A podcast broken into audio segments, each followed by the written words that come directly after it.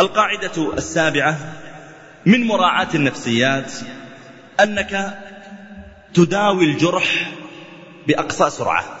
بمعنى أحيانا قد تقول كلمة فيها نوع من المزح مع الذي أمامك فتكون أحيانا مزحة ثقيلة.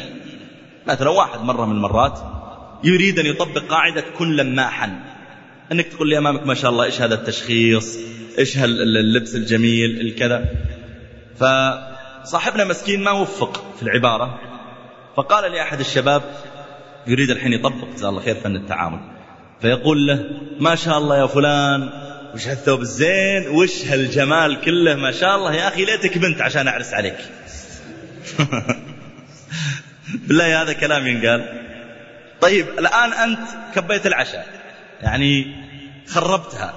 أحرص في مثل هذه المواطن أنك تداوي الجرح بسرعة. قبل أن يزيد الأمر ويجل الخط. النبي صلى الله عليه وسلم كان في تعامله مع الناس يريد إرضاء الجميع دائما. فلما يشعر أن أحدهم ضاق صدره من فعل فعله يعطيك كلمتين يبرد على قلبه. يعطيك كلمتين يذهب ما في قلبه من من حزن. قبل أن يفتح النبي صلى الله عليه وسلم مكة أقبل إليها معتمرا. وكان قد جاء ليعتمر في صلح الحديبية فمنعته قريش من دخولها. ثم أقبل بعد سنة ليعتمر حسب العهد الذي بينه وبين قريش وسميت بعمرة القضاء أو القضية. فعاهد قريشا كتب بينه وبينهم يعني معاهدة ألا يلبث في مكة إلا أربعة أيام. فلما انتهى النبي صلى الله عليه وسلم من عمرته وانقضت الأيام الأربعة خرج عليه الصلاة والسلام جمع يعني أصحابه ومضوا خارجين من مكة. في أثناء ذلك تبعتهم ابنة حمزة. حمزة رضي الله تعالى عنه هاجر وترك بعض أهله في مكة واستشهد رضي الله تعالى عنه في معركة أحد وبقي أهله في مكة. فابنة حمزة الصغيرة تبعتهم وجعلت تنادي النبي صلى الله عليه وسلم تقول يا عم يا عم. فتناولها علي فأخذ بيدها رضي الله عنه ومضى بها إلى فاطمة. فاطمة معهم رضي الله عنها جاءت تعتمر قال لها دونك ابنة عمك. يعني خلاص نربيها نحن. فحملتها فاطمة. فقام زيد. قال بل هي لي. وقام جعفر. قال بل هي لي. فقال علي وما عندكما؟ فقال جعفر هي ابنة عمي. ابنة عمي. وخالتها تحتي. يعني أولا هي بنت عمك بس لكن هي أيضا بنت عمي. وزوجتي أسماء بنت عميس تكون خالتها. وقال زيد هي ابنة أخي. كان النبي صلى الله عليه وسلم آخى بين حمزة وبين زيد لما هاجروا. فالنبي صلى الله عليه وسلم الآن أمامه علي يقول ابنة عمي جعفر يقول ابنة عمي وفي الوقت نفسه هي خالتها زوجتي أسماء بنت عميس. وزيد يقول ابنة أخي فعلا نحن آخينا بينهم. فقضى بها النبي صلى الله عليه وسلم لخالتها. قال يعني ادفعوها إلى جعفر. ثم قال عليه الصلاة والسلام الخالة بمنزلة الأم. طيب الآن علي يرى الفتاة تذهب من بين يديه البنت الصغيرة وزيد أيضا يراها على هذا الحال. فقال النبي صلى الله عليه وسلم مواسيا مواسيا لعلي ولزيد قال لعلي أنت مني وأنا منك. وقال لزيد أنت أخونا ومولانا. ثم التفت إلى جعفر وقال أشبهت خلقي وخلقي. أنت في خلقي طريقة الخلق في الشكل تشبهني قد يعني يظن الناس أنت أو العكس وأشبهت خلقي أيضا في أخلاقك. فأنت عندما تتعامل مع الناس أيضا احرص على مثل هذا. مثلا أبناؤك قلت مثلا من الذي أحضرت مثلا حلوى؟ وقلت من اللي وزعها؟ قالوا عيالك أنا أنا أنا يا بابا. فأعطيتها واحد منهم. طيب قلوب الآخرين ببعض الكلمات. احرص على مثل هذا. حتى ما يبدأوا ينظرون إليه وينظرون إليك يعني يحبها أكثر منا. أو مثلا مجموعة من الناس أنت جئت من سفر أو كذا ومجموعة قال لك فلان ترى الغداء عندي قال الثاني لا إلا الغداء عندي قال الثالث لا والله الغداء. فاخترت واحد منهم أن تتغدى عنده من بينهم. طيب صدور الباقين بكلمات. أعطي هذا كلمة وأعطي هذا يعني أعطي كل واحد تلطف معه إما بمزحة إما بعبارة ثناء حتى لا توغر قلوب الناس عليك احرص على أن تبقى الزجاجة سليمة من الخدش وألا يقع في قلوب الناس شيء عليك عندما تتعامل معهم. فلا تكسب واحدا منهم في سبيل أنك ربما تفقد الآخرين. القاعدة الثامنة شجع الناس على الخير. نحن مشكلتنا يا جماعة أننا أحيانا لا نلمح إلا الأشياء السيئة فنتكلم عنها. بينما ننسى الأشياء الحسنة. بمعنى لو أن رجلا دخل إلى بيته فرأى البيت مطيبا مزينا والجدران نظيفة تجد الأب ما يقول ولا كلمة ما يقول ما شاء الله ما هذا الجمال وما هذا التعب اللي تعبتيه فلانة ما يقول ولا كلمة. لكن لو جاء ودخل إلى البيت ورأى زجاجا مكسورا أو رأى على الجدار شيئا من الوسخ تكلم قال ما تشوفين الكأس اللي مكسور وما تشوفين الجدار اللي وسخ؟ انتبه لا تكن كالذباب لا يقع إلا على الجروح. كن كالنحلة لا تقع إلا على الشيء الطيب. شجع الناس على الخير. واحد قدمت له زوجته طعاما حسنا ما قال ولا كلمة. يوم من الأيام قدمت الطعام وكان الطعام بارد وقام يتكلم عليها. طيب يا أخي قبل أيام كان الطعام أحسن لما لم تثني؟ شجع الناس على الخير. أحيانا نحن مثلا نرى شخصا يبكر دائما إلى صلاة الجماعة ويصلي في الصف الأول. تجد أنك عمرك ما قلت له ما شاء الله يا فلان جزاك الله خير يا أخي يا ليتني مثلك.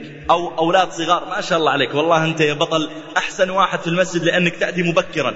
لكننا متى ننتبه؟ ننتبه إذا غاب عن الصلاة وجئنا وقلنا الله يهديك ما رأيناك أمس في الصلاة؟ طيب ما أنا صار لي سنة ما أغيب عن تكبيرة الإحرام لما لم تثني؟ لما لم تشجعني على الخير؟ حتى أواصل عليه. كان النبي صلى الله عليه وسلم متميزا في مثل هذا وفي غيره. جاء إليه أبو هريرة رضي الله عنه. قال يا رسول الله قال نعم. قال من أسعد الناس بشفاعتك يوم القيامة؟ فالتفت النبي صلى الله عليه وسلم إليه قال لقد ظننت يشجع على الخير. قال لقد ظننت ألا يسألني هذا السؤال أحد قبلك يا أبا هريرة. لما رأيت من حرصك على العلم يشجعه.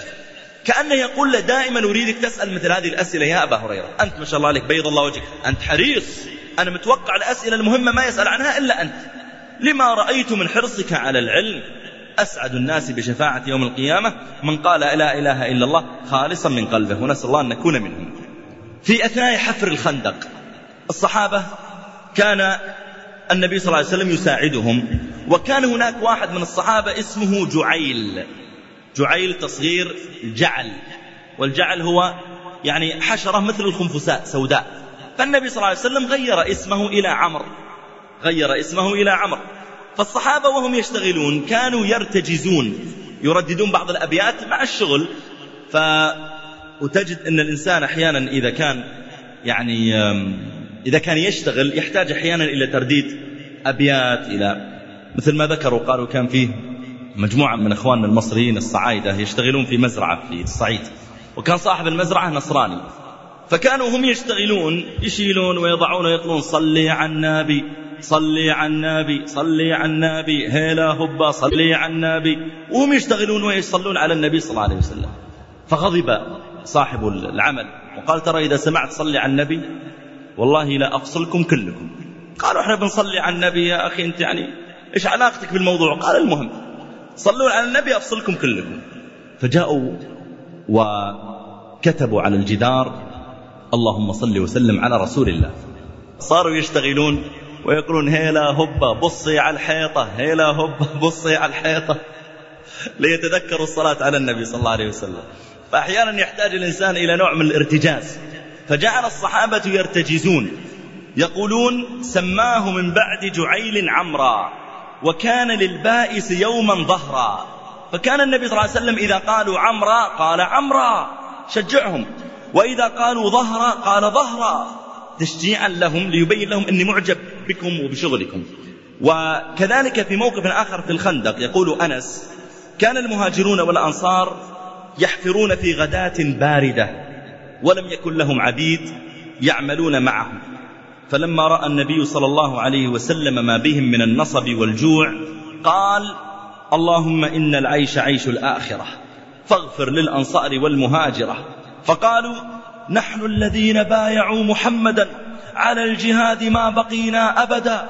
وجعل النبي صلى الله عليه وسلم يشجعهم وربما ردد بعض هذه العبارات معه وفي موقف آخر كان النبي صلى الله عليه وسلم يراهم وهم يقولون والله لولا الله ما اهتدينا ولا تصدقنا ولا صلينا فأنزلا سكينة علينا وثبت الأقدام إلا قينا إن الأولى قد بغوا علينا وإن أرادوا فتنة أبينا. فكان صلى الله عليه وسلم يقول أبينا أبينا. وهم يردون الأبيات فيقول أبينا أبينا. هذا كله من تشجيعه عليه الصلاة والسلام لهم على الخير. نحن نحتاج إلى هذا أيها الأحبة الكرام والأخوات الفاضلات عندما نتعامل مع الناس. بمعنى واحد من أولادك يسمع قرآن عندك وقاعد يقرأ مثلا آه، ألف لام ميم ذلك الكتاب لا ريب فيه هدى للمتقين. ويمد مد صحيح. وهو يقرأ قل ممتاز جيد ما شاء الله عليك. أيوة صح. هذا يعطيه دفعة. هو قاعد يسمع. زوجتك قاعدة تطبخ الطعام وعندك عشاء. مريت بعد العصر ولقيتها تلف سمبوسة وتقطع وتصلح. أعطها كلمتين تشجيع. الله يوفقك. تسلم والله اليدين والله تعبناك يا أم فلان. أعطها ثلاث أربع كلمات والكلام تدفع عليه فلوس أنت. لكن يؤثر في الناس عندما تتعامل معهم. ابنك مثلا يتعلم الكتابة يتعلم السباحة وقاعد يتعلم السباحة.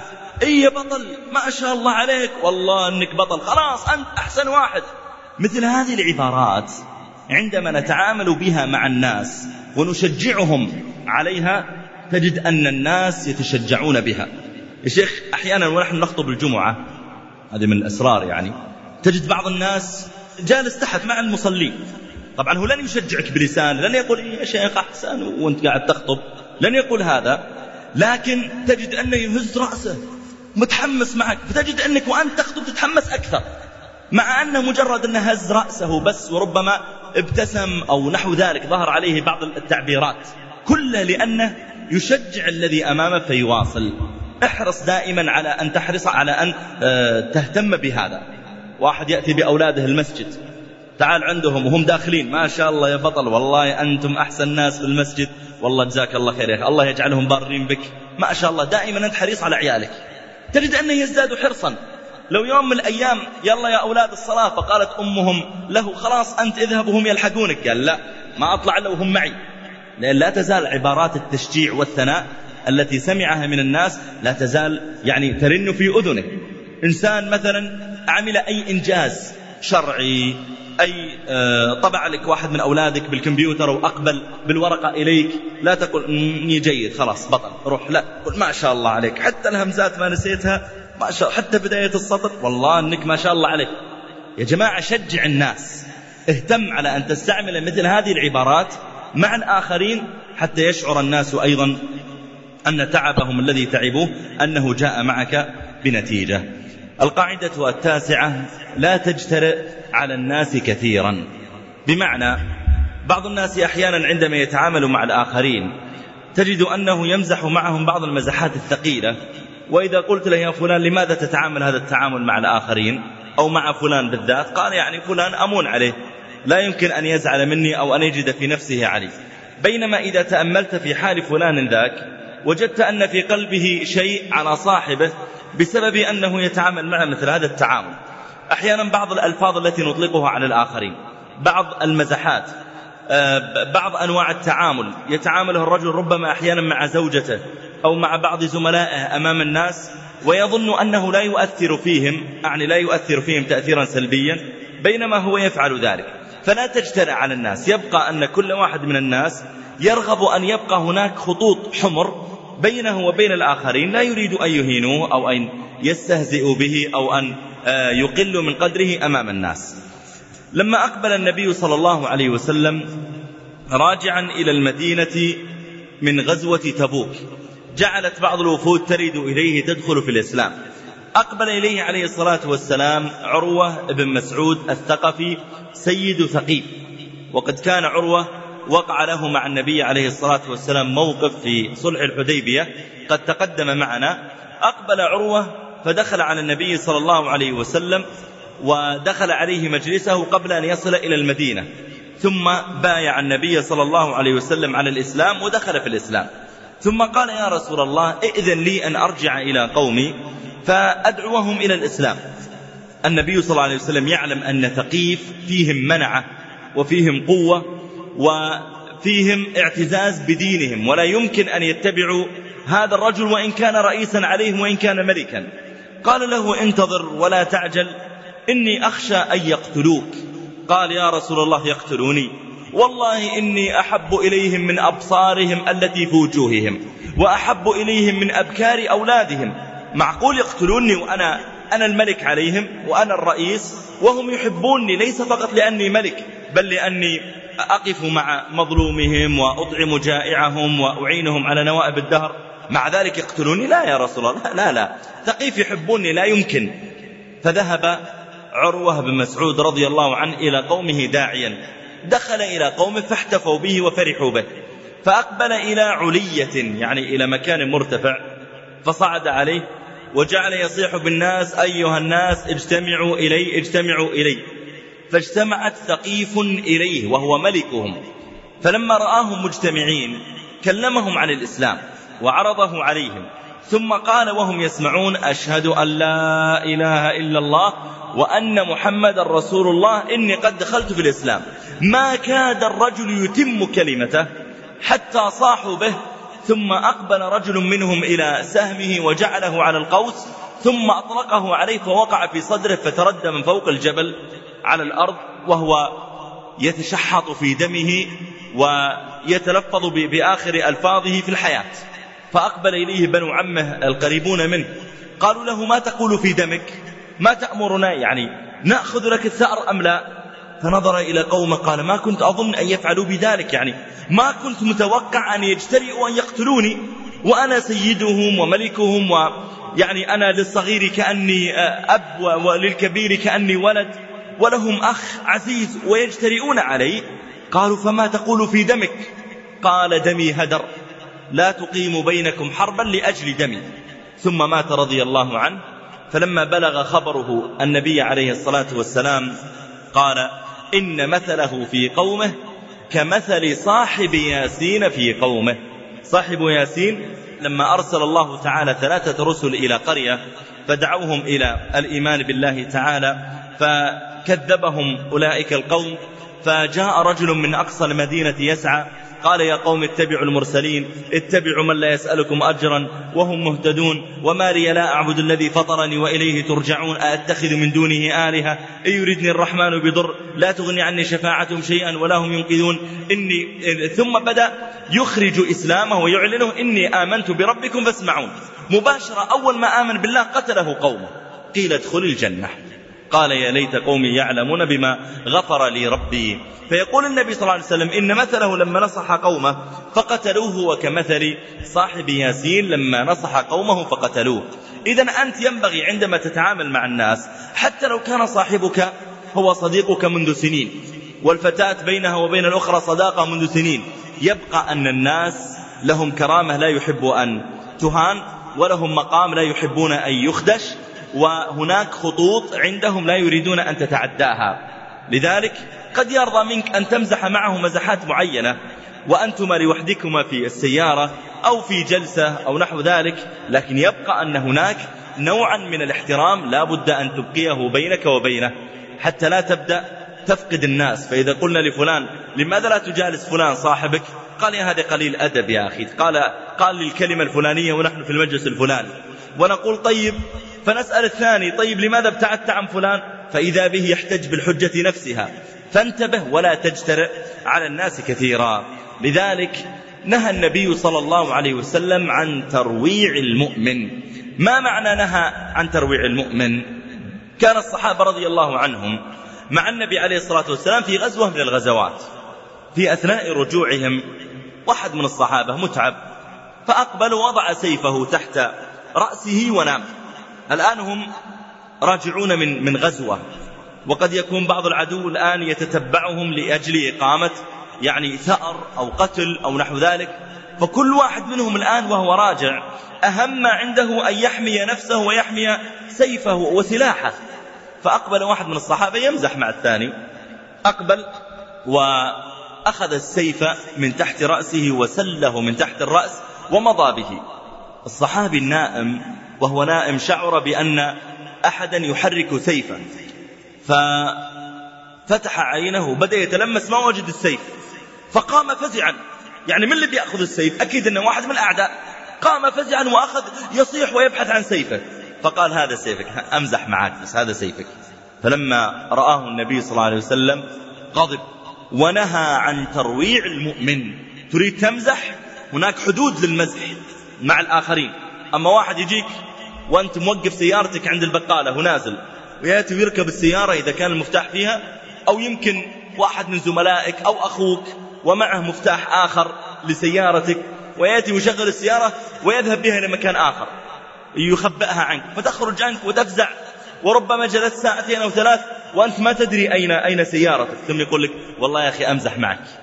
في الغالب أنك لن تضحك. وتقول والله مزحة حلوة يا أخي ما شاء الله عليك. يا أخي تعرف تختار أنواع المزح؟ برضو الناس لا يرضون بذلك. أو أحيانا بعض الناس يأخذ جوالك وأنت ما تدري وأنتم طالعين إلى البر وتبدأ ساعة ونصف تبحث عن الجوال ثم يطلع لك ويقول والله كنت أمزح معك إيش رأيك في المزحة؟ يا أخي مزحة ثقيلة هذه مزحة ما لها داعي. لا تجترأ على الناس كثيرا. يبقى أن الناس لهم خطوط لا يريدونك أن تتعداها عندما تتعامل معهم. القاعدة العاشرة حفظ السر. مما يجعلك غاليا على قلوب الناس ويجعل لك مركزا في قلوبهم ومقاما عاليا أن تكون رجلا تحفظ الأسرار. أما لما يأتي فلان ويقول لك والله يا أخي أنا آه، زيد بن فلان جاء وخطب أختي إيش رأيك فيه؟ فتقول أنت والله يا أخي أنا ما ودي أتكلم في أحد. فيقول لا لا أبدا أنا أستشيرك والمستشار مؤتمن. فتقول يا أخي أرجوك اسأل واحد غيري. قال لا يا أخي أس أسألك وش دعوة؟ أنا أنا أحفظ الأسرار. تقول والله صراحة لو يخطب أختي ما زوجته. هذا رجل يتعاطى محرمات هذا رجل عنده علاقات محرمة هذا رجل فاشل في وظيفته هذا رجل عنده من الملاحظات كذا وكذا. فصراحة أنا لو يخطب أختي ما, ما زوجته. لكن انتبه لا تقول له أني قلت لك هالكلام. لولا أنك استشرتني ولا كان ترى ما, ما أتكلم فيه فمضى هذا الرجل من عندك وهو يعني في نفسك أنه يحفظ السر. ثم رد ذلك الشخص. ثم لم يلبث أن بدأ ينشر الكلام. هذا الرجل ويقول والله سألت عن صديق فلان فيخبر أمه وأباه وأخواته وأبناء عمه. يبدأ ينشر كل من سأل ليش ما زوجتوه قال يا أخي صديق فلان يقول أنه يتعاطى مخدرات وأنه فاشل في وظيفته وأن علاقته بأهل سيئة وأنه طيب يا أخي من سمح لك أن تشتغل وكالة أنباء متنقلة وتبدأ تنقل هذا السر الذي أخبرتك به؟ أو مثلا واحد ثاني تتحدث معه وأنت ضايق صدرك. يقول ليش ضايق صدرك؟ يقول والله يا أخي يعني مشكلة خاصة في البيت. لا لا أخبرني أخبرني. فضفض فضفض. تقول له والله يا أخي أنا يا أخي واحدة من أخواتي اكتشفت أن عندها علاقة هاتفية بأحد الشباب والحمد لله أننا اكتشفنا الأمر ونصحناها وتركت هذه العلاقة المحرمة قبل أن تفضي إلى ما هو أعظم من, من الهاتف. لكن أرجوك أنا ترى يعني لأنك صديقي وحبيبي فضفضت لك اللي في قلبي. لكن أرجوك لا تخبر أحدا. ثم تدري بعد يوم يومين إلا الخبر يتحدث به القاصي والداني. وإذا هذا صاحبك مثل المنخل الذي ليس له يعني فم واحد إنما له عدة أفواه لا يكاد أن يمسك لسانا أبدا. لذلك انظر إلى إلى كلام العلماء حول السر. يقولون سألوا أحد الحكماء. قالوا له قول الناس السر إذا جاوز الاثنين شاع. من الاثنان؟ فأشار إلى شفتيه العليا والسفلى. قال هذه وهذا. إذا جاوز الشفتين ذاع. يعني لا تخبر بسرك أحدا. مثل ما قال إذا ضاق صدر المرء عن سر نفسه فصدر الذي يستودع السر أضيق. إذا أنت ما استطعت أنك تحفظ سرك وتكتمه وتسكت ولسانك يأكلك إلى أن تكلمت به غصبا عنك فتريد الناس أن يمسكوا الأسرار. من أعجب ما قرأت في التاريخ عن هذه المسألة خبر رؤيا عاتكة. عاتكة بنت عبد المطلب عمة النبي عليه الصلاة والسلام. وهي أخت لعباس وأخت لحمزة وأخت لأعمام النبي عليه الصلاة والسلام هي عمته. فرأت رؤيا عجيبة. ما قصة هذه الرؤيا؟ خذها من أولها. لما سمع النبي صلى الله عليه وسلم بمقدم القافلة التي فيها ألف بعير ومعها أربعون حارسا يرأسها أبو سفيان رضي الله عنه أسلم بعد ذلك لما سمع بمقدمها من الشام وكانت هذه القافلة معها بعض الأموال التي استولى عليها المشركون لما هاجر المسلمون من مكة إلى المدينة. قال النبي صلى الله عليه وسلم لأصحابه اخرجوا إليها لعل الله أن ينفلكم إياها. يعني تأتيكم نفلا من غير قتال شديد كلهم أربعون حارسا وخرج بأكثر من ثلاثمائة صحابي معه الذين قاتلوا بعد ذلك في معركة بدر. فخرج النبي عليه الصلاة والسلام. أبو سفيان ذكي. ليس رجلا عاديا. فسمع أن هناك جيش آه، قد خرج من المدينة يريد أن يقطع عليه الطريق وهو لا يريد أن تذهب ألف بعير بما عليها. هذه ثروة عظيمة. فلما سمع بذلك مباشرة نادى أحد الحرس الذين معه اسمه ضمضم ابن عمرو الغفاري. قال يا ضمضم. قال نعم. قال أريدك أن تذهب سريعا الآن إلى مكة وستستنفرهم للخروج لإنقاذ عيرهم. أنا ما أستطيع أنا ما, أست... ما كنت أعلم أن هناك جيش سيقابلني. ما معي إلا أربعون حارسا. اذهب بأقصى سرعة وزاد له في الأجرة. يعني إذا, إذا الأجير يقطع هالمسافة بمثلا بمئة دينار أعطاك خمسمائة دينار أو ستمائة دينار. لكن قال له بدل ما تقطعها في أسبوع هال 500 أو 600 كيلو؟ أريدك تقطعها في يوم أو في يومين أو ثلاثة. يعني بأسرع أسرع وقت ممكن. مضى ضمضم وضرب ضرب بعيره وشق الصحراء. في هذه الأثناء في مكة ما يعلمون بشيء. تعرف السابق ما عندهم تلفونات ما عندهم وسائل اتصال فهم ما يعرفون أن هناك جيش سيخرج وأن أموالهم ستذهب. عاتكة من تعد المطلب عمة النبي عليه الصلاة والسلام نامت ليلة ثم أصبحت. فدعت أخاها العباس الفجر قبل طلوع الشمس. أرسلت إلى العباس قالت هناك أمر مهم تعال لي بسرعة. أقبل العباس حتى دخل عليها قال يا أخيه ما لك طبعا وضع بني هاشم أصلا اللي هم أعمام النبي عليه الصلاة والسلام وأبناء عمه وضع مضطرب في مكة بسبب أن النبي صلى الله عليه وسلم هاجر وبدأ يكون بينه وبين قريش شيء من الحرب. فأصبح أصلا أقاربه وأبناء عمه وضعهم في, في مكة مضطرب مع قومهم. نادت العباس قالت تعال يا عباس. قال نعم. قالت إني قد رأيت رؤيا أفزعتني ووالله إني لأخشى أن يدخل على قومك منها شر ومصيبة. أفأخبرك بها وتكتمها عني؟ ولا تحدث بها أحدا؟ قال نعم لك العهد على ذلك. قالت ما تخبر بها الرؤيا أحدا أبدا؟ قال لك العهد. أنا أخوك يعني سأذهب وأحدث الناس. ما هي الرؤيا؟ قالت رأيت راكبا أقبل على بعير له فوقف بالأبطح بوادي قريب من الحرم ثم صرخ بأعلى صوته يا آل غدر! يعني يا أيها الغادرون انفروا إلى مصارعكم في ثلاث. مصرع الرجل هو موضع موته. يقول يا آل غدر يعني يا أهل مكة اخرجوا وانفروا إلى مصارعكم إلى مواضع موتكم في ثلاث أيام. تقول فاجتمع عليه الناس فخرج فمضى الرجل ببعيره يسرع تقول فبينما هم حوله إذ دخل المسجد والناس يتبعونه إذ صعد به بعيره فوق الكعبة ثم صاح يا آل غدر انفروا إلى مصارعكم في ثلاث. تقول والناس ينظرون إليه. قالت ثم نزل من على الكعبة وعلى البعير وصعد جبل أبي قبيس جبل أبي قبيس القريب الذي يشرف على الكعبة الذي عليه القصور الملكية اليوم كما تقدم. ثم صاح يا آل غدر انفروا إلى مصارعكم في ثلاث. والناس ينظرون إليه ما يدرون إيش القصة. تقول ثم أخذ صخرة فقذفها من أعلى الجبل فأقبلت الصخرة تهوي.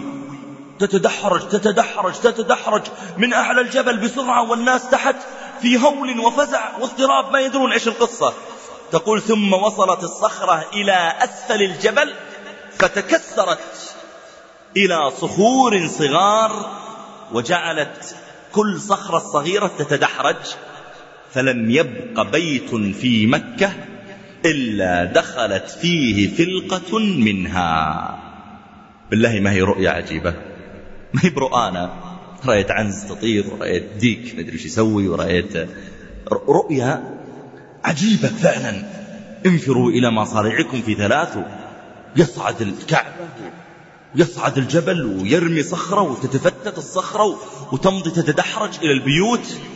في الغالب أنها رؤيا لها معنى. العباس لما سمعها الرؤيا انتفض. قال أحدثتي بها أحدا؟ قالت لا إلا أنت. قال اكتميها. والله إنها لرؤيا حق وليكونن لها شأن. اكتميها ولا يعرف بها أحد أبدا. قالت أبد خلاص ولا يعرف بها أحد. وأنت فاكتمها قال أبد ما يحتاج.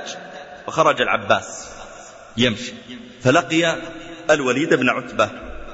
وكان صديقا له. قال يا وليد. قال نعم. قال أحدثك بشيء وتكتمه عني؟ قال حدث قال ما تخبر أحدا أبدا أبد ولا أحد يدري قال إن أختي عاتكة قد رأت أن راكبا أقبل على بعيره فصاح انفروا يا آل غدر إلى مصاريعكم في ثلاث ثم تبعه الناس فصعد على أعلى الكعبة فصاح انفروا إلى مصاريعكم في ثلاث ثم نزل وصعد على جبل أبي قبيس وقال انفروا إلى مصاريعكم في ثلاث ثم ألقى الصخرة وتكسرت ودخلت كل فلقة إلى بيت بيوت مكة أليست رؤيا غريبة؟ قال والله رؤيا غريبة. قال العباس انتبه يا وليد بن عتبة؟ لا تحدث بها أحدا أبدا أبد ولا يمكن. ابن أمه يسمعها مني. ومضى الوليد ودخل إلى بيته. إلى الآن ما بعد طلعت الشمس. فجلس إلى ابنه عتبة يفطرون. قال يا عتبة. قال نعم. قال سأخبرك بشيء ولا تخبر به أحدا أبدا. قال ما هو؟ قال ما تخبر أحد. قال أبد ولا أحد يدري.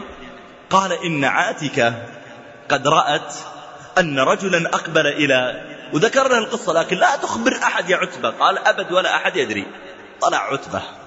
العباس بعدما أخبر الوليد بن عتبة مضى إلى بيته ثم خرج إلى الكعبة يعني فيها أسواقهم وفيها مجالسهم. أقبل. فإذا الناس حلق. كل حلقة فيها عشرة خمسة عشر. يتحدثون. هذا هؤلاء قد اجتمعوا على آنية يبيعونها وهؤلاء عندهم بعير يتساومون عليه. كل مجموعة. وإذا كلهم يتحدثون برؤيا عاتكة. كل أهل مكة. أقبل العباس ومر عليهم فقال لأبو جهل يا عباس.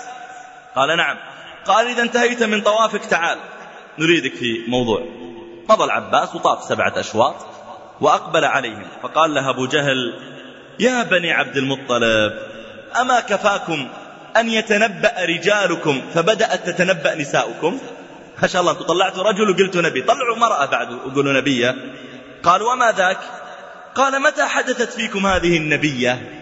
قال وما ذاك؟ قال رؤيا عاتكة. قال أي رؤيا؟ قال رؤيا عاتكة.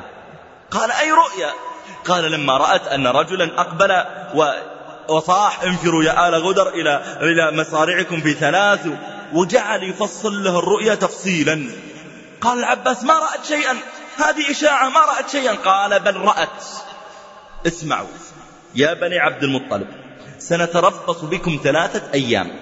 ننتظر عليكم ثلاثة أيام. ما دام قال انفروا إلى مصارعكم في ثلاث نحن سننتظر ثلاثة أيام. إن لم يحدث شيء في هذه الثلاثة أيام فوالله لنكتبن عليكم كتابا نعلقه عند الكعبة أن أكذب بيت في العرب هم بنو عبد المطلب. فإذا قلنا أنكم أكذب ناس لا يمكن أحد يبايعكم لا يمكن أحد يكتب بينه وبينكم عقد ولا عهد. خلاص نسقطكم تكون سمعتكم يعني لا يلتفت إليها أحد. قال العباس لا غير صحيح. وبدأ يحاول الإنكار لكن خلاص الموضوع خرج من يده. أنت لماذا تتكلم في البداية أصلا؟ رجع العباس إلى بيته. فلما جاء الليل لم تبق امرأة من بني عبد المطلب إلا جاءت إليه تقول كيف ترضى لهذا الفاسق أن يتكلم علينا؟ لأنه بدأ يقول أنتم كذابون وأنتم كذا. كيف ترضى يتكلم على رجالكم وعلى نسائكم؟ والله إذا تركتموه أغدا يزيد في الكلام عليكم. والعرب بينهم ثارات وبينهم أمور. العباس مضى عليه اليوم الأول ثم مضى اليوم الثاني. فلما كان صباح اليوم الثالث الآن خلاص اليوم سيكتب عليهم الكتاب أنهم أكذب أهل البيت لبس حلته وأخذ سيفه وخرج وأقبل إلى الحرم. يقول دخلت إلى الحرم وجعلت أتعرض لأبي جهل. أبيه يقول لي كلمة بس يتسبب علي. حتى يعني أضربه بالسيف. قال وجعلت أتعرض له وعنده أمر قد أهمه. يقول أبو جهل كأن عنده شيء مشغلة. وإذا هو يمضي يمينا ويسارا عني. فقلت سبحان الله كل هذا خايف مني. يعني كيف ما يقف أمامي. وإذا بأبي جهل قد علم عن ضمضم بن عمر والعباس لم يعلم بعد.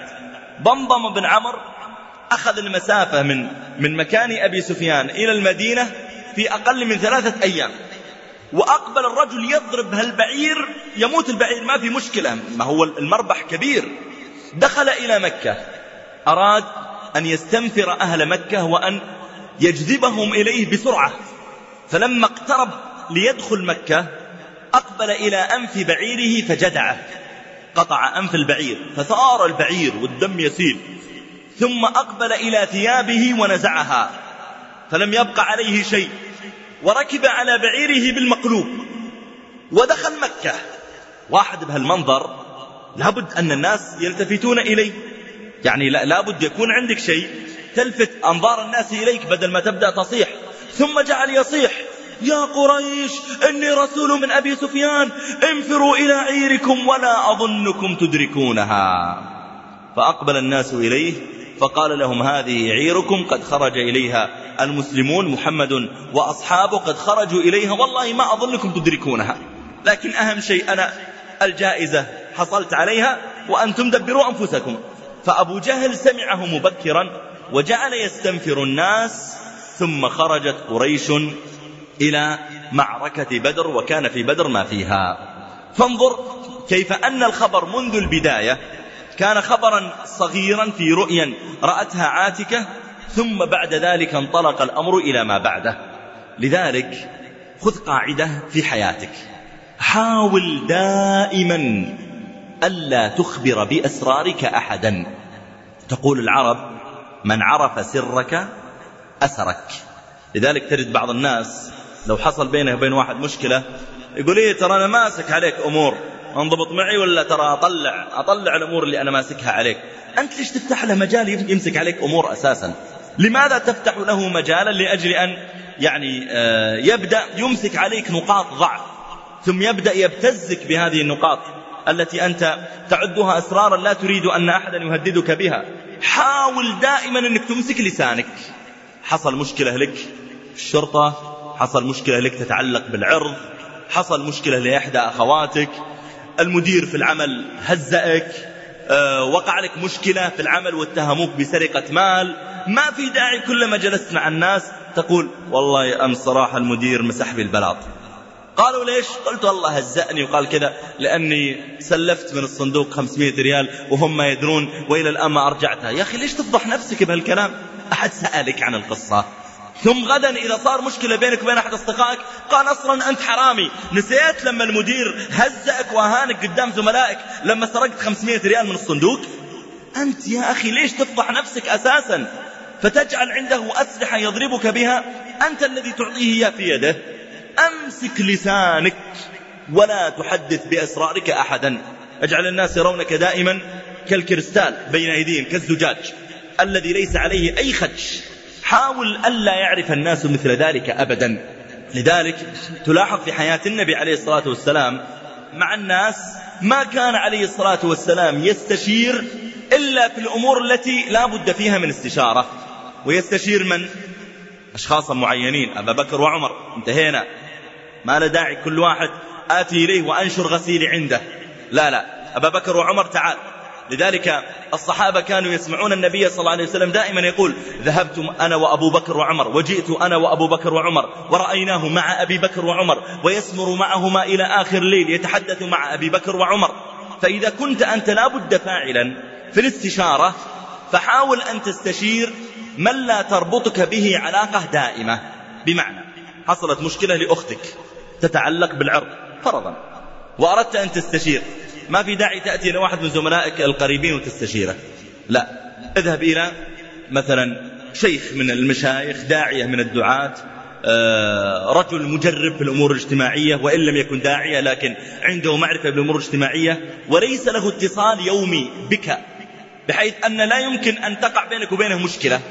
غالبا لأن ما بينك وبينه اتصال يومي. والأمر الثاني أن هذا الشخص كل يوم تأتيه عشر مشاكل مشابهة لمشكلتك. فسيعطيك الرأي وسينسى مشكلتك يوما بعد يوم وخلاص ينساها أساسا. لكن صديقك هذا الذي تستشيره وتنشر غسيلك عنده في الغالب أنه ليس كل يوم يأتيه مشكلة. فستكون مشكلتك هي أصل من الأصول في رأسه. فلا يزال يحفظها عليك. احرص ألا تخبر بأسرارك أحدا. اجعلها في صندوق مغلق ولا تحدث بها إلا عند الحاجة الشديدة. أنس رضي الله تعالى عنه وفاطمة رضي الله عنها وبقية الصحابة كان النبي صلى الله عليه وسلم يربيهم على مثل ذلك. أرسل النبي صلى الله عليه وسلم أنسا يوما إلى حاجة فمضى فدعته أمه. قالت يا بني إلى أين أرسلك النبي صلى الله عليه وسلم؟ قال قد أسر إلي. يعني قال لي في إذني الحاجة التي يريدها. قالت فما حاجته؟ لاحظ أن أنس يعني صغير. قال والله يا أماه ما كنت لأفشي سر رسول الله صلى الله عليه وسلم. هذا هو قائل حاجة عادية. اذهب إلى فلان وقل له كذا أو أحضر لي كذا. يقول لا سر. ما دام قال لي في أذني لما كنت لأفشي سر رسول الله صلى الله عليه وسلم. وفي الصحيحين تقول عائشة رضي الله عنها أقبلت فاطمة تمشي كأن مشيتها مشية رسول الله صلى الله عليه وسلم. قالت فقال النبي صلى الله عليه وسلم مرحبا بابنتي ثم أجلسها عن يمينه أو عن شماله قالت ثم أسر إليها حديثا فبكت. قالت عائشة فقلت لم تبكين؟ تسأل عائشة ليش تبكين؟ فسكتت فاطمة. تقول ثم أسر إليها حديثا آخر فضحكت. قالت عائشة فقلت والله ما رأيتك اليوم. فرحا أقرب من حزن. تبكين ثم تضحكين فجأة. غريب. تقول فسألتها قلت بما حدثك النبي صلى الله عليه وسلم؟ ليش بكيت ثم ضحكت؟ فقالت فاطمة ما كنت لأفشي سر رسول الله صلى الله عليه وسلم. ما دام قال لي في أذني معناه أنه سر.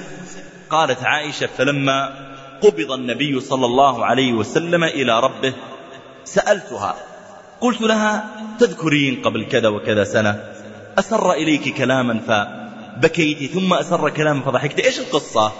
فقالت نعم الآن مات النبي صلى الله عليه وسلم والحديث يعني فيه نوع مصلحة. فقالت فاطمة رضي الله عنها أسر إلي إن جبريل كان يعارضني القرآن. يعني يراجع معي القرآن. إن جبريل كان يعارضني القرآن كل سنة مرة وإنه عارضني العام مرتين. السنة هذه راجعة معي مرتين ولا أراه إلا أن حضر أجلي. تقول فبكيت وقال وإنك أول أهل بيتي لحوقا بي قالت فبكيت. فلما رأى بكاءها قال لها أما ترضين أن تكوني سيدة نساء أهل الجنة أو سيدة نساء المؤمنين؟ قالت فضحكت لذلك. لكن لاحظ في البداية ما رضيت أن تفشي السر. كذلك أنت أحيانا يكون بينك وبين شخص معين موضوع موضوع خاص. مثلا ويقول لك يا فلان في المجلس فلان تعال أريدك قليلا. فتذهب إليه ويتحدث معك ثم ترجع. فيقول لك واحد من أصحابك بالله إيش قال لك؟ يا أخي ما هو بشغلك هذا سر. لو كان يريد أن تسمعوا لتحدث أمامكم. ثم إذا خرج أصحابك ربما يمسكك أحدهم على جنب ويقول بالله أخبرني إيش قال لك فلان؟ يا أخي ما دخلك أنت من حسن إسلام المرء؟ تركه ما لا يعنيه يا أخي ما دخلك أنت. انتبه أنت لا تكون خفيف العقل عفوا وتبدأ تحدثه بما قال لك. اعلم أن الذي يحدثك بأسرار الآخرين سيحدث الآخرين بأسرارك. والذي يغتاب عندك الناس أعلم أنه يغتابك عند الناس. يعني فأنت لما تخرج بعض أمور الناس عند أصحابك اعلم بأنك تقل في عينهم ولا تزيد. القاعدة الحادية عشرة تحمل الناس. الواحد منا أيها الإخوة والأخوات عندما يتعامل مع الناس هو يتعامل في الحقيقة مع أنواع من الناس. تتعامل مع ذكي وغبي سريع الغضب حليم مع عالم وجاهل مع كريم وبخيل مع إنسان سيء الظن وإنسان حسن الظن. الناس أنواع أنواع متنوعة لا تحسب الناس نوعا واحدا. فلهم طبائع لست تحصيهن ألوان. الناس يتنوعون إلى أنواع متفرقة تماما. حاول أنت أن تكون متحملا لكل أحد. بمعنى قد يأتيك إنسان سيء الظن ويصرخ بك لأجل شيء معين ظنه فيك. يأتيك إنسان آخر سريع الغضب. يأتيك واحد ما يفهم. تريد فهمه موضوع معين ما يفهم. لا ترفع ضغطك على كل أحد. لا اجعل عندك آه، نوعا من التحمل مع الآخرين ولا تدقق على كل شيء. لا تدقق على كل شيء. نحن أحيانا أيها الإخوة والأخوات نتعامل مع بعض المشاكل بأساليب ليست حلا لها. بمعنى افرض أنك خطبت فتاة. قالوا لك خلاص يوم الخميس بعد صلاة العصر تعال لتراها الرؤية الشرعية. فرحت. ومن يوم السبت وأنت تصلح نفسك وتعدل نفسك وتغتسل مرارا و... وذهبت وفصلت ثوبا جديدا واشتريت غترة جديدة وضبطت أمورك. فلما جاء اليوم الموعود وجاء يوم الخميس. ولبست الجزمة النظيفة والثوب والغترة وصلحت أمورك تمام. وجلست من قبل أذن العصر أمام المراية كل شوي تغير التشخيصة بالغترة تشوف أحسن تشخيصة. ثم أقبلت وسيارة منظفة تماما. ثم أقبلت إلى السيارة وأن تفتح السيارة بعد صلاة العصر ستذهب إليهم. ورائك ماء. بعد مطر أو نحو ذلك فإذا بسيارة فيها مجموعة شباب يأتون وهم مسرعون ويمشون على هلمة بسرعة ويطشش عليك الماء ويملأ ثيابك وغترتك والسيارة. متعمدين. ثم لما جاوزوك بدأوا يضربون على منبه السيارة ويطلعون مع الدرايش ويأشرون لك ويضحكون عليك. ماذا ستفعل؟ التصرف اللي نفعله غالبا صرخ الواحد ويتكلم ويبحث عن أقرب حجر ويلحقهم. صح؟ لكن هل هو هذا حل المشكلة؟ أنت الآن فعلت الذي يريدونه هم. هم أصلا يريدون منك أنك تفعل هذا ويضحكون أكثر. ليكن عندك تحمل ولا تهتم بصغائر الأمور. مشيها. وقل لا حول ولا قوة إلا بالله. هذا أول الفال ثم ادخل وغير ملابسك. أو مثلا لو أنك خرجت إلى عرس. وقد لبست أحسن ثيابك. وبدأت تسلم على الناس. فأقبل أحد الأطفال الصغار يمشي رويدا رويدا وراءك ثم أخذ طرف غترتك من الخلف وجرها ووقعت الغترة والعقال والطاقية وقف شعرك في العرس قدام الناس. ممكن تصير ولا لا؟ وهالصغير أبو خمس سنوات أول ما عمل الحركة قام يضحك وركض طالع من صالة الأفراح. غالبا الناس ماذا يفعلون في المواقف شو يسوي يا جماعة؟ يلحقه ولا لا؟ ويبدأ يتذكر يعني أقبح السبات عنده وينزل عليه يا ابن الكذا ويا ابن ال... ويبدأ يلحقه ويمكن تزلق ويطق راسك في الطاولة اللي جنبك ولا تطق في اللي مع البيالات وتكبر وتصير مسخرة عند الناس ومضحكة. لكن هل هذا هو حل المشكلة؟ أجيب نعم أو لا؟ لا. الحل أنك تتحمل. سحب غترتك ووقعت على الأرض أضحك. قل يا أخي البزران هذا مشكلة. يا أخي زين خذها والبس غترتك مرة ثانية. والطاقية وحط الشماغ والعقال وكمل السلام على الناس. ولا لا؟ ولا لا يا جماعة؟ وانت ماسك نفسك. تقعد تلحقه لين يدخل إلى إلى النساء؟ وتقعد تهاوش مع الحارس اللي عند باب النساء بدخل ألعن و...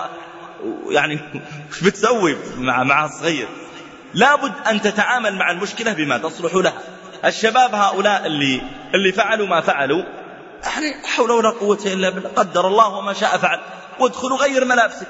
في أحد الأعراس مرة من المرات دخلت العروس بكامل زينتها وبهائها وربما أن مسرحة الشعر آه، مكثت واقفة عند شعرها ثلاث أو أربع ساعات. ثم دخلت يعني إلى مكان النساء لتجلس ليرقصن أمامها وكذا. فلما جعلت تمشي مقبلة إلى كرسي الجلوس لتجلس عليه والناس ينظرون إليها من كل جهة أقبل أحد الأطفال ومعه علبة بيبسي. ورج هذه العلبة حركها مرارا بقوة بقوة ثم أقبل إليها في وجهها طفل صغير ما يدري أبو سبع ثمان سنوات وفتحها في وجهها وطار الببسي على وجهها وعلى شعرها وعلى ملابسها. طبعا ليست القضية أنها بتغسل وينتهي الموضوع هي إذا تغسلت راح المكياج اللي صار له ثلاث أربع ساعات فهي تريد على الأقل أول ليلة يمشيها المكياج مع زوجها وبكرة تتفاهمي وياه. لكن مشكلة تبدأ مكياج من جديد وهي من العصر ربما وقاعدة تحفظ وضوءها عشان تصلي العصر والمغرب والعشاء بوضوء واحد. فجاءها الطفل هذا وفتح عليها الببسي في وجهها. صاحت بأعلى صوتها وأمسكت الصغير. في غير شعورها ونزعت حذاءها وضربته. على رأسه فإذا بكعب الحذاء الحاد يضرب في طرف رأسه ويفتح له يمكن قرابة الخمسة أو ستة سنتي. ما أدري هل وصل الجمجمة ومات الطفل بعدين ولا لا. المهم أن الدم ملأ ثيابه وملأ ثيابها هي وملأت يدها بالدم. بالله لو يدخل عليها زوجها ويشوف على هالحال. والدم في يدها. بكره لو يزعلها شوي بتجيب أمه بعد بواحد زيها. ولا لا؟ إذا, إذا كان هذا في طفل صغير لا يفهم. أجل أنا لو أسوي شيء ماذا ستفعلين بي؟ فلو أنها أمسكت نفسها قالت لا حول ولا قوة إلا بالله. ودخلت مرة أخرى إلى غرفتها لتعالج الوضع ستكبر في عيون جميع الناس. أليس كذلك؟ ويقول والله ما أعقلها والله يعني عقلها هذا يزن جبل. لكن الآن ستصبح مضحكة للناس ويتذكرون قصتها حتى الدعاء في محاضراتهم يذكرون قصتها تندرا بها واعتبارا بما وقع لها. لكن لو أنها أمسكت نفسها لما وقع لها ما وقع. لذلك ينبغي على الإنسان أن يتعود مثل هذا. يقول أبو موسى الأشعري رضي الله تعالى عنه كنت عند النبي صلى الله عليه وسلم وهو نازل بالجعرانة بين مكة والمدينة. قال ومعه بلال. قال فأتى النبي صلى الله عليه وسلم أعرابي. قال ألا تنجز لي ما وعدتني؟ يبدو أن النبي صلى الله عليه وسلم وعده بشيء معين. فقال له ألا تنجز لي ما وعدتني؟ فقال النبي صلى الله عليه وسلم أبشر. في عبارة أجمل من أبشر يا جماعة. قال أبشر. فقال الأعرابي قد أكثرت علي من أبشر. أبشر أبشر. كثرت عليك ما جيت قلت أبشر. النبي صلى الله عليه وسلم غضب وكظم غيظه والتفت إلى أبي موسى وبلال. قال رد البشرى. قل له ابشر. فرد البشرى. ما يريد ما أبشره به. رد البشرى. فاقبلاها أنتما. قال قبلناها. قال فدعا بقدح فيه ماء فغسل يديه ووجهه ومج فيه ثم قال اشربا منه وأفرغا على وجوهكما ونحوركما وأبشرا. قال فأخذ القدح وجعل يفعلان به ذلك. فنادت أم سلمة زوج النبي صلى الله عليه وسلم وهي في داخل الستر قالت أفضلا لأمكما يعني أبقوا لي شوي. قالت فقال فأفضل لها منه طائفة. فاغتسلت به وفعلت كما أمر النبي صلى الله عليه وسلم. شوف كيف كان عليه الصلاة والسلام يستطيع أن يمسك نفسه لما يتعامل مع الناس. وكذلك لما مضى النبي صلى الله عليه وسلم إلى معركة حنين أقبل ومعه أكبر جيش شارك في قتال. اثنا عشر ألف مقاتل. قد يقول البعض طيب يا شيخ ومعركة تبوك؟ خرج معه ثلاثون ألف. نقول صحيح لكن معركة تبوك ما وقع فيها قتال مسلح. مضى حتى وصل إلى حدود الشام صار مراسلات بينه وبين ملك الروم ورجع النبي صلى الله عليه وسلم من غير قتال. لكن هذه وقع قتال وقع مصادمة بينه وبين أعداء. معه اثنا عشر ألف. فدخلوا وأقبلوا إلى وادي حنين. هم الآن ماضون إلى الطائف. وهم ماضون إلى الطائف نزلوا قبل وادي حنين وناموا ثم لما طلع الفجر مضوا يمشون. وادي حنين بينه وبين الطائف أكثر من أربعين أو خمسين كيلو. فهم أصلا مقصدهم الطائف وليس حنين. فما كانوا مستعدين للقتال الآن يعني لا يزال بقي أمامهم آه، سير ربما يوم كامل. لكن مالك بن عوف النصري زعيم أهل الطائف ذكي. وخرج من الطائف يستقبلهم في وسط الطريق ووصل إلى وادي حنين وفرق أصحابه بين الصخور في الجبل. ويعلم أن النبي صلى الله عليه وسلم سيدخل في الوادي فيريد أن السهام والصخور تأتيهم من فوق. أقبل النبي عليه الصلاة والسلام مع أصحابه فعلا وقع جيش المسلمين في المصيدة. أقبلوا ودخلوا في الوادي فلما دخلوا في الوادي فإذا السهام تأتيهم والرماح من كل جانب وإذا الصخور تلقى إليهم من كل جانب. فر هذا الجيش كله. أول من فر الأعراب الذين ما أسلموا إلا قبل كم يوم. ومسلمة الفتح. والناس اللي خرجوا بعضهم يعني لم يتمكن ربما الإيمان من قلبه. وجعلوا يفرون أول الناس. فلما اشتد عليهم السهام والصحابة ينظرون ما يدري. يتقي السهام من يمينه ولا شماله. والخيل جعلت تنفر ويضرب بعضها في بعض. الخيل نفسها ما تعودت على هذا النوع من القتال. فجعل الأنصار والمهاجرون يفرون وفر الجيش كله. لم يبق مع النبي صلى الله عليه وسلم من الاثني عشر ألف إلا تسعة. تسعة. تسعة. تسعة ولا تسعون؟ تسعة. ما بقي معه إلا تسعة فقط. بدليل أن المؤرخين عدوهم بأسمائهم. فلان وفلان وفلان وفلان, وفلان. تسعة حط خط انتهى. هذول اللي بقوا. جعل النبي صلى الله عليه وسلم ينادي يا للمهاجرين يا للأنصار يا أصحاب بيعة الشجرة يا قراء سورة البقرة. وجعل ينادي العباس حتى عاد منهم قرابة التسعين رجلا وأنزل الله تعالى جندا من السماء ونصر الله تعالى نبيه صلى الله عليه وسلم على أعدائه. انتهت المعركة. 11900 لم يشاركوا في القتال. فقط قرابة المئة اللي شاركوا أول ما انتهت المعركة النبي صلى الله عليه وسلم الآن طالع من قتال. جراح وربما دماء وعرق يسيل يمينا ويسارا وخيول مقتلة تحتهم وجماجم وناس موتى. فلما خرج من الوادي وقف أمامه الأعراب. قالوا يا رسول الله اقسم علينا فيئنا اقسم علينا غنائمنا. غنائمكم أنتم أول من هرب. وغنائمكم يصرخ بكم العباس بأعلى صوته ولا واحد منكم رجع. وغنائمكم بعد اقسم علينا فيئنا اقسم علينا غنائمنا. هم مرتاحين والنبي صلى الله عليه وسلم طالع من معركة. فسكت النبي صلى الله عليه وسلم ومضى يمشي. فوقفوا له وزاحموه. هو يريد يرتاح بس الآن عمره قريب من الستين. يريد يرتاح يمين يسار حتى ألجأوه إلى شجرة. مر بجانب الشجرة فتعلق رداءه في الشجرة. ومشى فانتزع رداءه وتعلق الرداء في الشجرة. وبقي بإزار فقط وجسده ظاهر للشمس. تخيل بالله لو أنك مكانه. فالتفت النبي صلى الله عليه وسلم إليهم وهم يتزاحمون. وقد سقط رداءه عن منكبه. فالتفت وكظم غيظه. لأنه كبير قوي حكيم قائد. صلى الله عليه وسلم. ما هو بأي واحد بأدنى كلمة يجعل أعصابه تثور؟ لا الأصل أن تكون أنت كالجبل لا تهزك الرياح. ومهما نطحك الناس ما تتأثر لأنك جبل. كناطح صخرة يوما ليوهنها فلم يضرها وأوهى قرنه الوعي. لكن المخفة اللي من أول كلمة يبدأ يصارخ ويضرب يمين ويسار هذا ما يصلح قائد. القائد هو اللي يكون ثابت كثبات الجبال. وليس أي إنسان يثير أعصابه. النبي صلى الله عليه وسلم ملك وبطل واقف لهم. أقسم في أنا أخذ يجره وهذا يبغى يرجع رداءه.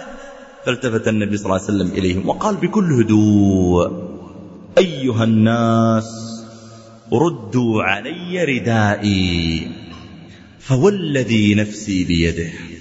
لو كان عندي عدد شجر تهامة نعما لقسمته عليكم. ثم لا تجدوني بخيلا ولا جبانا ولا كذابا. فعلا.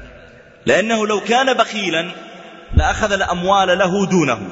ولو كان جبانا لفر مع الفارين. ولو كان كذابا لما نصره ربه عز وجل. لكن لأنه قال لا تجدوني بخيلا ولا جبانا ولا كذابا من اتصف بهذه الصفات العالية استحق أن يكون قائدا وأن ينصره ربه عز وجل. وفعلا يوزع النبي صلى الله عليه وسلم هذه الغنائم عليهم. يا عيينة ابن حصن خذ مياه من الإبل. يا أقرع بن حابس خذ مياه من الإبل. يا أبا سفيان خذ مياه من الإبل. يقف بجانبه أحد المسلمة الفتح اللي ما أسلم إلا قبل كم يوم. ويرى واديا مليئا بالغنم فيقول يا محمد ما أحسن هذا؟ فيقول له النبي صلى الله عليه وسلم أعجبك؟ قال نعم. قال هو لك. ويمضي إلى أهله عليه الصلاة والسلام ما معه ولا درهم ولا تمرة ولا ثوب ولا نعل أخذه من الغنيمة. ويصل إلى بيته فإذا بيته ما في طعام ما في طعام. ويخرج يبحث عن طعام. قالوا له في واحد يهودي عنده أكل. فيمضي يقول لها اليهودي سلفني صاع من شعير. صاع من شعير يعني كيلوين تقريبا صاع أطعم بس زوجاتي وعيالي. سلفني صاعا من شعير. فيقول أنت ما عندك فلوس تعطيني الثمن؟ طيب أسددك بعدين؟ قال لا تعطيني رهن. إذا ما سددتني أبيع الرهن وأسدد نفسي. فيرجع النبي صلى الله عليه وسلم إلى بيته ويبحث عن شيء ممكن يرهن. ماذا سيجد؟ دولاب كبير وفراش وثير ووسائد. غالية وأرائك مريحة وثياب وأردية وعمائم وأموال لم يجد إلا درعه درع القتال الذي لا يزال فيه بقايا عرقه المبارك عليه الصلاة والسلام وربما فيه من من دمه المبارك. ويأخذ النبي صلى الله عليه وسلم هالدرع ويذهب به إلى اليهودي ويعطيه إياه. خذ أعطنا طعام. فيعطيه صاعا من شعير يمضي به النبي صلى الله عليه وسلم إلى أهله وتمضي السنين أو الشهور ويموت النبي صلى الله عليه وسلم ودرعه مرهون عند ذلك اليهودي بصاع من شعير. تجمع أمامه الأموال لكن لأنه قائد ملك. حبل موصول بينه وبين السماء. ما هو موصول بينه وبين الناس. لا هذا هذا تبع ربنا عز وجل. خلاص عند الله. هذا هذا عايش للآخرة ما هو بعايش للدنيا. لذلك جعل الله تعالى له مثل هذا التمكين. فلما يأتي هؤلاء لأجل أن يثيروا أعصابه أو لأجل أن يغيروا عليه عليه الصلاة والسلام أو لأجل أن, يصرخ بهم أو أن يستثيروه لا. كناطح صخرة يوما ليوهنها فلم يضرها وأوهى قرنه الوعي. لا يمكن بكلام تافه يقول له أحد المشركين أو بمسبة يسمعها من أحد المنافقين أو بتصرف غير مناسب من أحد الناس. لا يمكن أن يثور النبي صلى الله عليه وسلم لأجل أمثال هذه الأشياء لأنه لا يثور مع الأشياء الصغيرة إلا الصغار. أما الكبار القادة فلا يثورون لمثل هذه الأمور. القاعدة الثانية عشرة قضاء الحاجات. من عاش لغيره فسيعيش متعبا لكنه سيحيا كبيرا ويموت كبيرا. ومن عاش لنفسه سيعيش مرتاحا اللي همه يأكل ويشرب ولا يهمه جاره يبيت جوعان أو شبعان ريان أو عطشان كاسي أو عريان ما يهمه جاره. أهم شيء أنا نفسي صحيح سيعيش مرتاحا لكنه سيعيش صغيرا ويموت صغيرا ويبعث صغيرا حقيرا لأنه ما عاش إلا لأكل وشرب ونوم ولباس وليس عنده حمل لهموم الآخرين. يقول النبي عليه الصلاة والسلام لئن أمشي مع أخي في حاجة حتى أثبتها له أحب إلي من أن أعتكف في مسجدي هذا شهرا. وقال من كان في حاجة أخيه كان الله في حاجته. اللي يضرب عليه جاره الباب ويقول بالله ابني مريض. أريدك أن تساعدني. أو تجد أنك ماشي بسيارتك وتجد رجلا مسكينا ضعيفا قد لبس أرخص الثياب والنعال ويمشي في الطريق قد صهرته الشمس بدرجة الحرارة ربما فوق الخمسين وهو يمشي لأن ما يملك قيمة أجرة السيارة ولا يملك قيمة سيارة يشتري.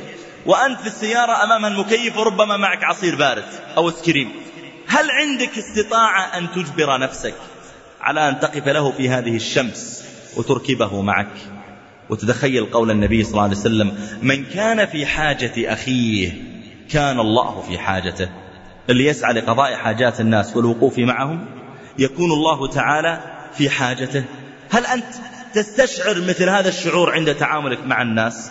أم أن الإنسان يا جماعة ما دام أنه طاعم وكاسي وراضي وآمن لا يهمه حاجات الناس؟ اجعل همك دائما أن تعيش لإخوانك يعني أن, أن, أن تقضي حاجاتهم أن تقف معهم في مصائبهم. تخيل بالله عليك لو أنك أنت بدل ما تولد في بلد فيه خير ويأتيك راتب وعندك مال تخيل أنك مولود في كوخ من أكواخ بنجلاديش ونشأت وأنت تشرب من النهر وتأكل من ورق الشجر ثم دبرت لنفسك فيزا وجئت إلى هذا البلد أو إلى غيره من البلدان واشتغلت بمال يسير صرت تمشي في الطريق تذهب إلى مسكنك لأن ما عندك قيمة الأجرة. بيأخذ عليك 10 ريال 15 ريال وأنت تريد توفرها. تخيل أنك أنت مكانه. ألا تفرح بأحد يركبك معه؟ يا جماعة ترى فيه أشياء اختارها الله تعالى لنا ما اخترناها لأنفسنا. ونحن ليس لنا أي نسبة من التحكم في اختيارها. يعني مثلا لو أقول لك من اختار أن تلبس حذاء أسود ولا تلبس أزرق قد تقول لي والله الله سبحانه وتعالى يقدر ما يشاء لكني أنا اخترت يعجبني هذا اللون الأسود. لماذا اخترت أن تكتب باللون الأحمر ولا تكتب باللون الأخضر؟ تقول والله أنا اخترت هذا لكن هل أنت اخترت طولك؟ لا. هل اخترت نسبك؟ لا. هل اخترت مستوى ذكائك؟ لا. هل اخترت نوع الأمراض التي تصيبك أو تصرف عنك؟ لا. يقول الله سبحانه وتعالى وربك يخلق ما يشاء. خلقني وخلقك. ثم قال بعدها إيش؟ ويختار. وربك يخلق ما يشاء ويختار ما كان لهم الخيرة. يعني لا يمكن واحد يختار لنفسه. الله تعالى هو الذي يختار له. هل أنت تشعر فعلا بالرغبة في قضاء حاجات الآخرين؟ لكن انتبه انتبه. لا تكن ممن يقضي حاجات الناس بناء على المصالح التي بينه وبينهم. فإذا كان هناك مصلحة متعلقة به قضيت حاجته. لكن إذا ما كان في مصلحة متعلقة به لن أقضي حاجته. وهذه مشكلة. أعطيكم مثالا. نفرض أنك تمشي في طريق مثلا آه، بين مدينتين. خرجت إلى مدينة مثلا تبعد عنا مثلا آه، مئة كيلو. وأنت طالع في حر شديد وبجانبك في الكرسي الذي بجانبك حقيبتك قد جعلتها على على الكرسي. فإذا بإنسان بسيط مسكين قد لبس يعني أرخص الثياب والنعال ومعه كيس في شدة الحر ويمشي في الطريق. قد تحدثك نفسك أن تركبه معك لكن حماسك ربما لا يصل إلى عشرين في المئة. يعني بجانبك حقيبتك ويحتاج إلى إرجاعها إلى الخلف وربما كانت مفتوحة وتحتاج إلى إغلاق وستقف ويركب معك ويمكن في رائحة غير مناسبة بسبب العرق. يعني قد لا يصل حماسك إلى عشرين في المئة. وتمشي. لما مشيت وجدت سيارة آه، متعطلة على جانب الطريق. مثلا بي إم آخر موديل. تسوالها مثلا نص مليون. قعدت تناظرها وأنت تسوق. الله السيارة الزينة هذه تبع من؟ فلما جاوزتها بخمسين أو ستين متر وإذا بشخص قد لبس أحسن الثياب ومعه حقيبة شكلها غالي وشكلها رجل أعمال يعني على على مستوى VIP رجل على على مستوى كبير. وإذا هو نفس صاحب البي ام لكن تعطلت إحدى العجلات واضطر إنه يوقفها ويبحث عن شخص يركبه معه. كم نسبة حماسك لإركابه معك؟